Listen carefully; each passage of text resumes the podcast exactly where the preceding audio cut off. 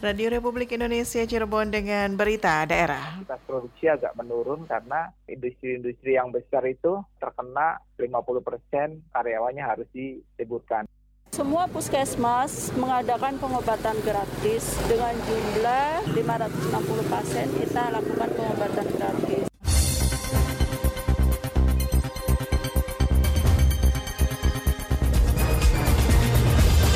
Sari berita ekspor industri rotan sempat terhenti akibat pandemi COVID-19. Hari Kesehatan Nasional tingkat Kabupaten Cirebon kegiatannya merujuk angka ke 56 tahun. Bersama saya Lisma Julia Sari, inilah berita daerah selengkapnya.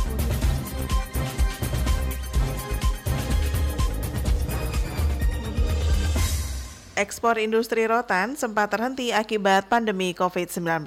Industri rotan di kota maupun Kabupaten Cirebon sampai saat ini masih eksis, walaupun di masa-masa awal pandemi COVID-19 produksinya sempat terhenti. Demikian dikatakan Ketua DPD HIMKI Cirebon Raya, Dedek Supriharto, kepada RRI melalui sambungan selulernya. Menurut Dedek, permintaan produksi rotan sebenarnya sangat tinggi terutama dari negara-negara Eropa Amerika Timur Tengah dan Australia. Pengusaha rotan di Cirebon juga kewalahan karena belum bisa memenuhi permintaan akibat minimnya sumber daya manusia dan kurangnya bahan baku. Tenaga kerja kerajinan rotan cenderung sangat minim, ditambah ada pengurangan jumlah karyawan dampak dari COVID-19. Tertahannya sih karena kebijakan dunia ya. Kalau kebijakan masing-masing perusahaan atau apa memang nggak ada nggak ada terlalu masalah tapi sebagai masyarakat Indonesia juga ya harus menghargai yang lain juga Pak. Jadi sebetulnya kapasitas produksi agak menurun karena industri-industri yang besar itu terkena 50% karyawannya harus diliburkan atau dicari solusi misalnya shift 2 atau apa. Dedek Supiharto mengatakan, berdasarkan data ekspor kota dan kabupaten Cirebon, ekspor rotan pada bulan Januari 2020 1052 kontainer, bulan Maret 1268 kontainer, dan Juni 1114 kontainer. Permintaan kerajinan rotan ini lebih banyak pada kerajinan berupa keranjang, kursi, dan hobker. Lengga Ferdiansa melaporkan. Pendengar berikut komentar masyarakat mengenai geliat industri rotan di tengah pandemi COVID-19 yang berhasil dihimpun RRI. Nama saya Angga Karyawan Swasta. Menurut saya geliat industri rotan khususnya di Cirebon harus disambut sangat antusias karena setelah sekian lama mati suri sudah saatnya industri rotan ini bangkit kembali sehingga walaupun di tengah pandemi saat ini perekonomian dapat lebih tergerak dengan adanya pabrik-pabrik yang memproduksi rotan. Ya nama saya Sarotami Bahrum, saya mahasiswa dan menurut saya dengan kelihatannya kembali industri rotan itu baik, sangat berdampak positif, baik perekonomian, betul kesejahteraan dan segala macam ya. Yang pertama sih sektor pariwisata itu berpengaruh. Orang-orang dari mancanegara maupun lokal datang membayar tiket masuk untuk melihat proses pembuatannya atau bahkan turut ikut di dalamnya. Itu bisa jadi tambah lagi untuk pembeliannya, misalnya untuk yang lokal kan kalau yang mancanegara nggak mungkin untuk membeli kerajinan rotan yang besar misalnya kursi atau apa paling hanya sekedar tas atau segala macam lain ya melihat geliat kembali industri rotan ya selama pandemi COVID-19 ya produk furniture rotan tidak mengalami dampak buruk. Nah, sempat melihat informasi berita kemarin justru produk ekspor furniture rotan ini mengalami peningkatan yang cukup baik. Sampai-sampai saya lihat juga Menteri Perdagangan Republik Indonesia Agus Suparmanto juga turut melepas konvoi 40 kontainer ekspor uh, furniture asal Cirebon ini ke pasar global. Ya, terus ditingkatkan aja untuk karya-karya seperti furniture rotan ini dengan kreasi-kreasi kekinian agar dapat diterima di pasar global. Untuk membahas lebih lanjut mengenai geliat industri rotan di tengah pandemi COVID-19, kita ikuti wawancara reporter Alex Sunardi dengan pengamat ekonomi Cirebon, Sari Laila Tolokotria. Baik Ibu Sari Lailatul Qadriyah, di tengah ya. masa pandemi ketika ekonomi cukup terhantam, hmm. tapi ada satu industri yang saat hmm. ini justru menggeliat di masa pandemi, yakni hmm. industri kerajinan rotan. Nah, hmm. Ibu sendiri melihat hal seperti ini mungkin seperti apa komentarnya? Memang industri rotan di era pandemi ini ternyata tidak berdampak gitu, hanya berdampaknya itu sekitar tiga bulan lah. Itu pun berdampaknya itu karena ordernya itu di pending gitu oleh owner-owner di luar itu. Artinya memang industri rotan yang utamanya sekarang ada salah satunya di daerah kita ya Cirebon ternyata mereka kegiatan usahanya tetap berjalan dan bagus dan saya membaca informasi bahwasanya saat ini malah permintaannya cukup tinggi gitu loh. Artinya pandemi tidak terimbas kepada industri rotan. Ini sesuatu yang baik untuk negara kita tentunya apalagi Cirebon ya kaitannya memang ada beberapa perusahaan perusahaan yang memang banyak di wilayah Cirebon untuk produksi rotan. Nah, dan ini sangat baik gitu loh. Nah, kaitannya kenapa berkembang atau bertahan? Di sini karena salah satunya ada pendorong bahwasannya era Jokowi itu terdapat kebijakan mengekspor bahan baku sehingga memang pasaran rotan itu kembali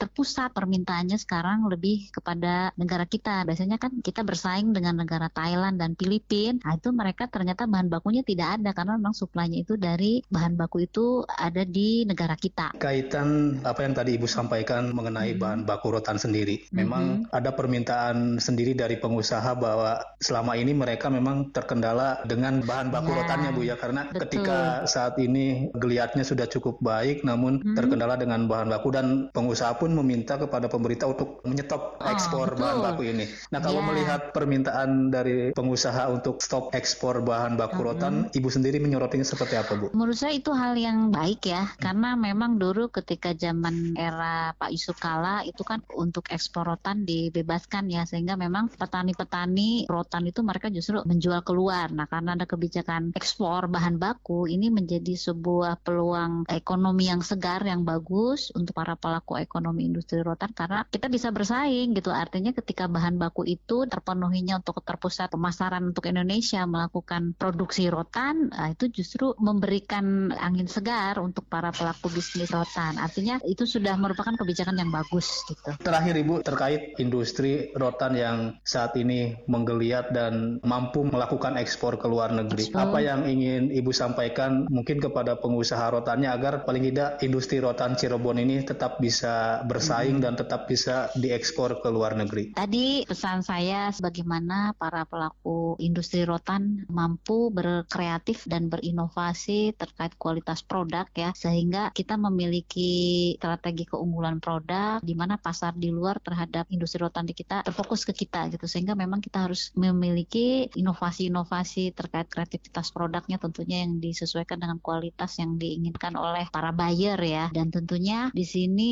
kita harus saya dapat data kaitannya sumber daya manusianya yang terkait untuk desain desain produknya itu juga butuh dikembangkan di diberdayakan, ditumbuhkan kembali regenerasinya agar negara kita kuat memiliki kemampuan secara sumber daya manusianya. Karena negara Indonesia di sini juga kaya dengan tadi sumber daya alam kaitannya dengan penghasilan rotan ya, di mana di situ negara kita hampir beberapa pulau kan menghasilkan sumber daya alam rotan dan itu peluang kita untuk mendapatkan kegiatan ekonomi yang cukup besar lagi gitu.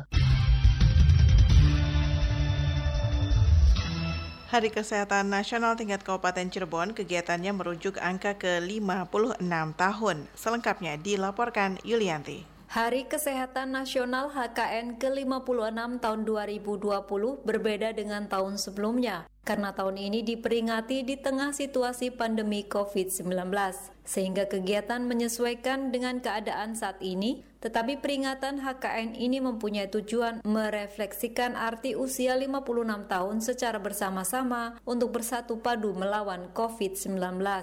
Demikian ditegaskan Kepala Dinas Kesehatan Kabupaten Cirebon Haja Eni Suhaini kepada RRI di sela peringatan HKN ke-56 tingkat Kabupaten Cirebon tahun 2020 yang dipusatkan di Puskesmas Kegesik. Seluruh komponen diminta untuk menyampaikan kepada masyarakat harus bisa mandiri mencegah COVID-19 dengan mematuhi dan melaksanakan protokol kesehatan. Menurutnya, sejumlah kegiatan yang dilaksanakan pada HKN tahun ini merujuk angka 56 karena sesuai usia peringatan HKN. Semua puskesmas mengadakan pengobatan gratis dengan jumlah dari 60 puskesmas kita rekap itu jumlahnya 560 pasien kita lakukan pengobatan gratis. Kemudian untuk swabnya juga 5.600 karena kita sudah memberikan ke puskesmas PTM masing-masing 150 150 PTM kali 60 ya. Kemudian kita juga memberikan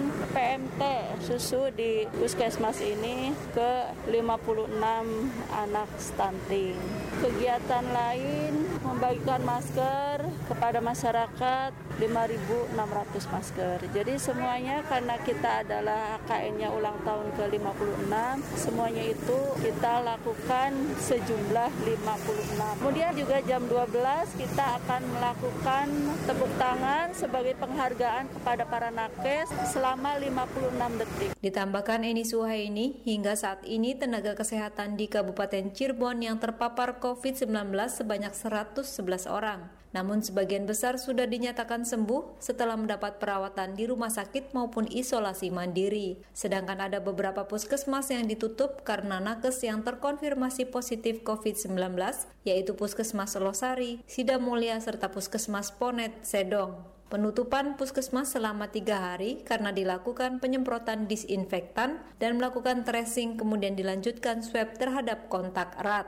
Diakui Eni Suhaini, selain COVID-19, pihaknya tetap melaksanakan program pelayanan dan penanganan untuk sejumlah penyakit lainnya seperti DBD, diare, serta tipes. Komunitas Rumah Baca Lembur Kuring tetap menggiatkan kegiatan literasi di masa pandemi COVID-19. Menumbuhkan minat baca kepada generasi muda harus terus dilakukan meskipun di masa pandemi COVID-19 seperti saat ini. Hal ini pula yang dilakukan komunitas rumah baca Lembur Kuring yang berada di Desa Pamengkang, Kecamatan Mundu, Kabupaten Cirebon yang tetap menggiatkan kegiatan literasi kepada generasi muda. Ketua Komunitas Rumah Baca Lembur Kuring, Deden Susbiantara kepada RRI mengatakan kegiatan literasi di masa pandemi sedikit berbeda dibanding sebelumnya, terlebih dengan adanya pembatasan kegiatan di tempat-tempat umum sehingga frekuensi kegiatan di luar menjadi berkurang dan lebih difokuskan di rumah. Hanya saja upaya yang dilakukan Rumah Baca Lembur Kuring dalam meningkatkan minat baca kepada generasi muda kurang mendapatkan perhatian dari pemerintah. Untuk pemerintah justru kalau dibilang kurang ya kurang, padahal kami ya membutuhkan support segala macam ya untuk pengembangan literasi ke depannya agar lebih maju gitu kan. Justru saya banyak ya ini jujur aja banyak membantunya selama ini sama pihak swasta. Alhamdulillah kami dapat bantuan kurang lebih buku 500 buku bacaan dan buku lainnya juga. Deden Susbi Biantara menambahkan minat baca generasi muda di masa pandemi COVID-19 masih tetap tinggi, apalagi para siswa sangat membutuhkan buku bacaan untuk menunjang proses pembelajaran jarak jauh. Rian Kristono melaporkan. Perkembangan terapi plasma selama ini cukup baik dan menunjukkan keberhasilan dengan tingkat kesembuhan pasien terkonfirmasi positif COVID-19 kategori berat. Terapi plasma terhadap penyintas COVID-19 hingga kini masih terus dilaksanakan jajaran Dinas Kesehatan bersama PMI Kabupaten Cirebon. Kepala Dinas Kesehatan Hajah Eni Suhaini menjelaskan, perkembangan terapi plasma selama ini cukup baik dan dari hasil laporan menunjukkan keberhasilan dengan tingkat kesembuhan pasien terkonfirmasi positif COVID-19 kategori berat. Saya dapat laporan sih ya pasiennya alhamdulillah gitu membaik gitu yang tadinya masuk ICU jadi setelah di uh, apa di terapi plasma jadi sudah sudah membaik. Pokoknya kan bagus lah hasilnya tuh bagus. Sekarang kan memang iya tinggal apa yang itu aja. Mungkin itu kan dokternya merawat sambil nanti memberikan edukasi untuk mendonorkan plasmanya. Eni Suhaini mengakui sampai saat ini terapi plasma masih dihadapkan minimnya sejumlah pendonor plasma karena tidak semua pasien terkonfirmasi COVID-19 yang sudah sembuh dapat berdonor. Perempuan yang bukan single harus melalui pemeriksaan terlebih dahulu, sedangkan untuk laki-laki dengan komorbid juga tidak bisa menyumbang darahnya termasuk orang tanpa gejala atau OTG. Penyintas COVID-19 yang telah mengikuti terapi plasma hingga kini 13 orang yang telah didonorkan kepada 12 orang pasien terkonfirmasi positif virus corona. Dalam terapi plasma ini, pendonor bisa diambil darahnya 400 cc atau dua labu, kemudian bisa diambil kembali setelah lebih dari dua minggu. Diharapkan pasien terkonfirmasi positif COVID-19 yang sudah sembuh dapat mendonorkan plasma darahnya untuk mempercepat penyembuhan pasien yang masih terkonfirmasi positif. Fandi Yuda melaporkan. Saudara, sekian berita daerah pagi kali ini. Terima kasih untuk kebersamaan Anda. Selamat pagi, sampai jumpa.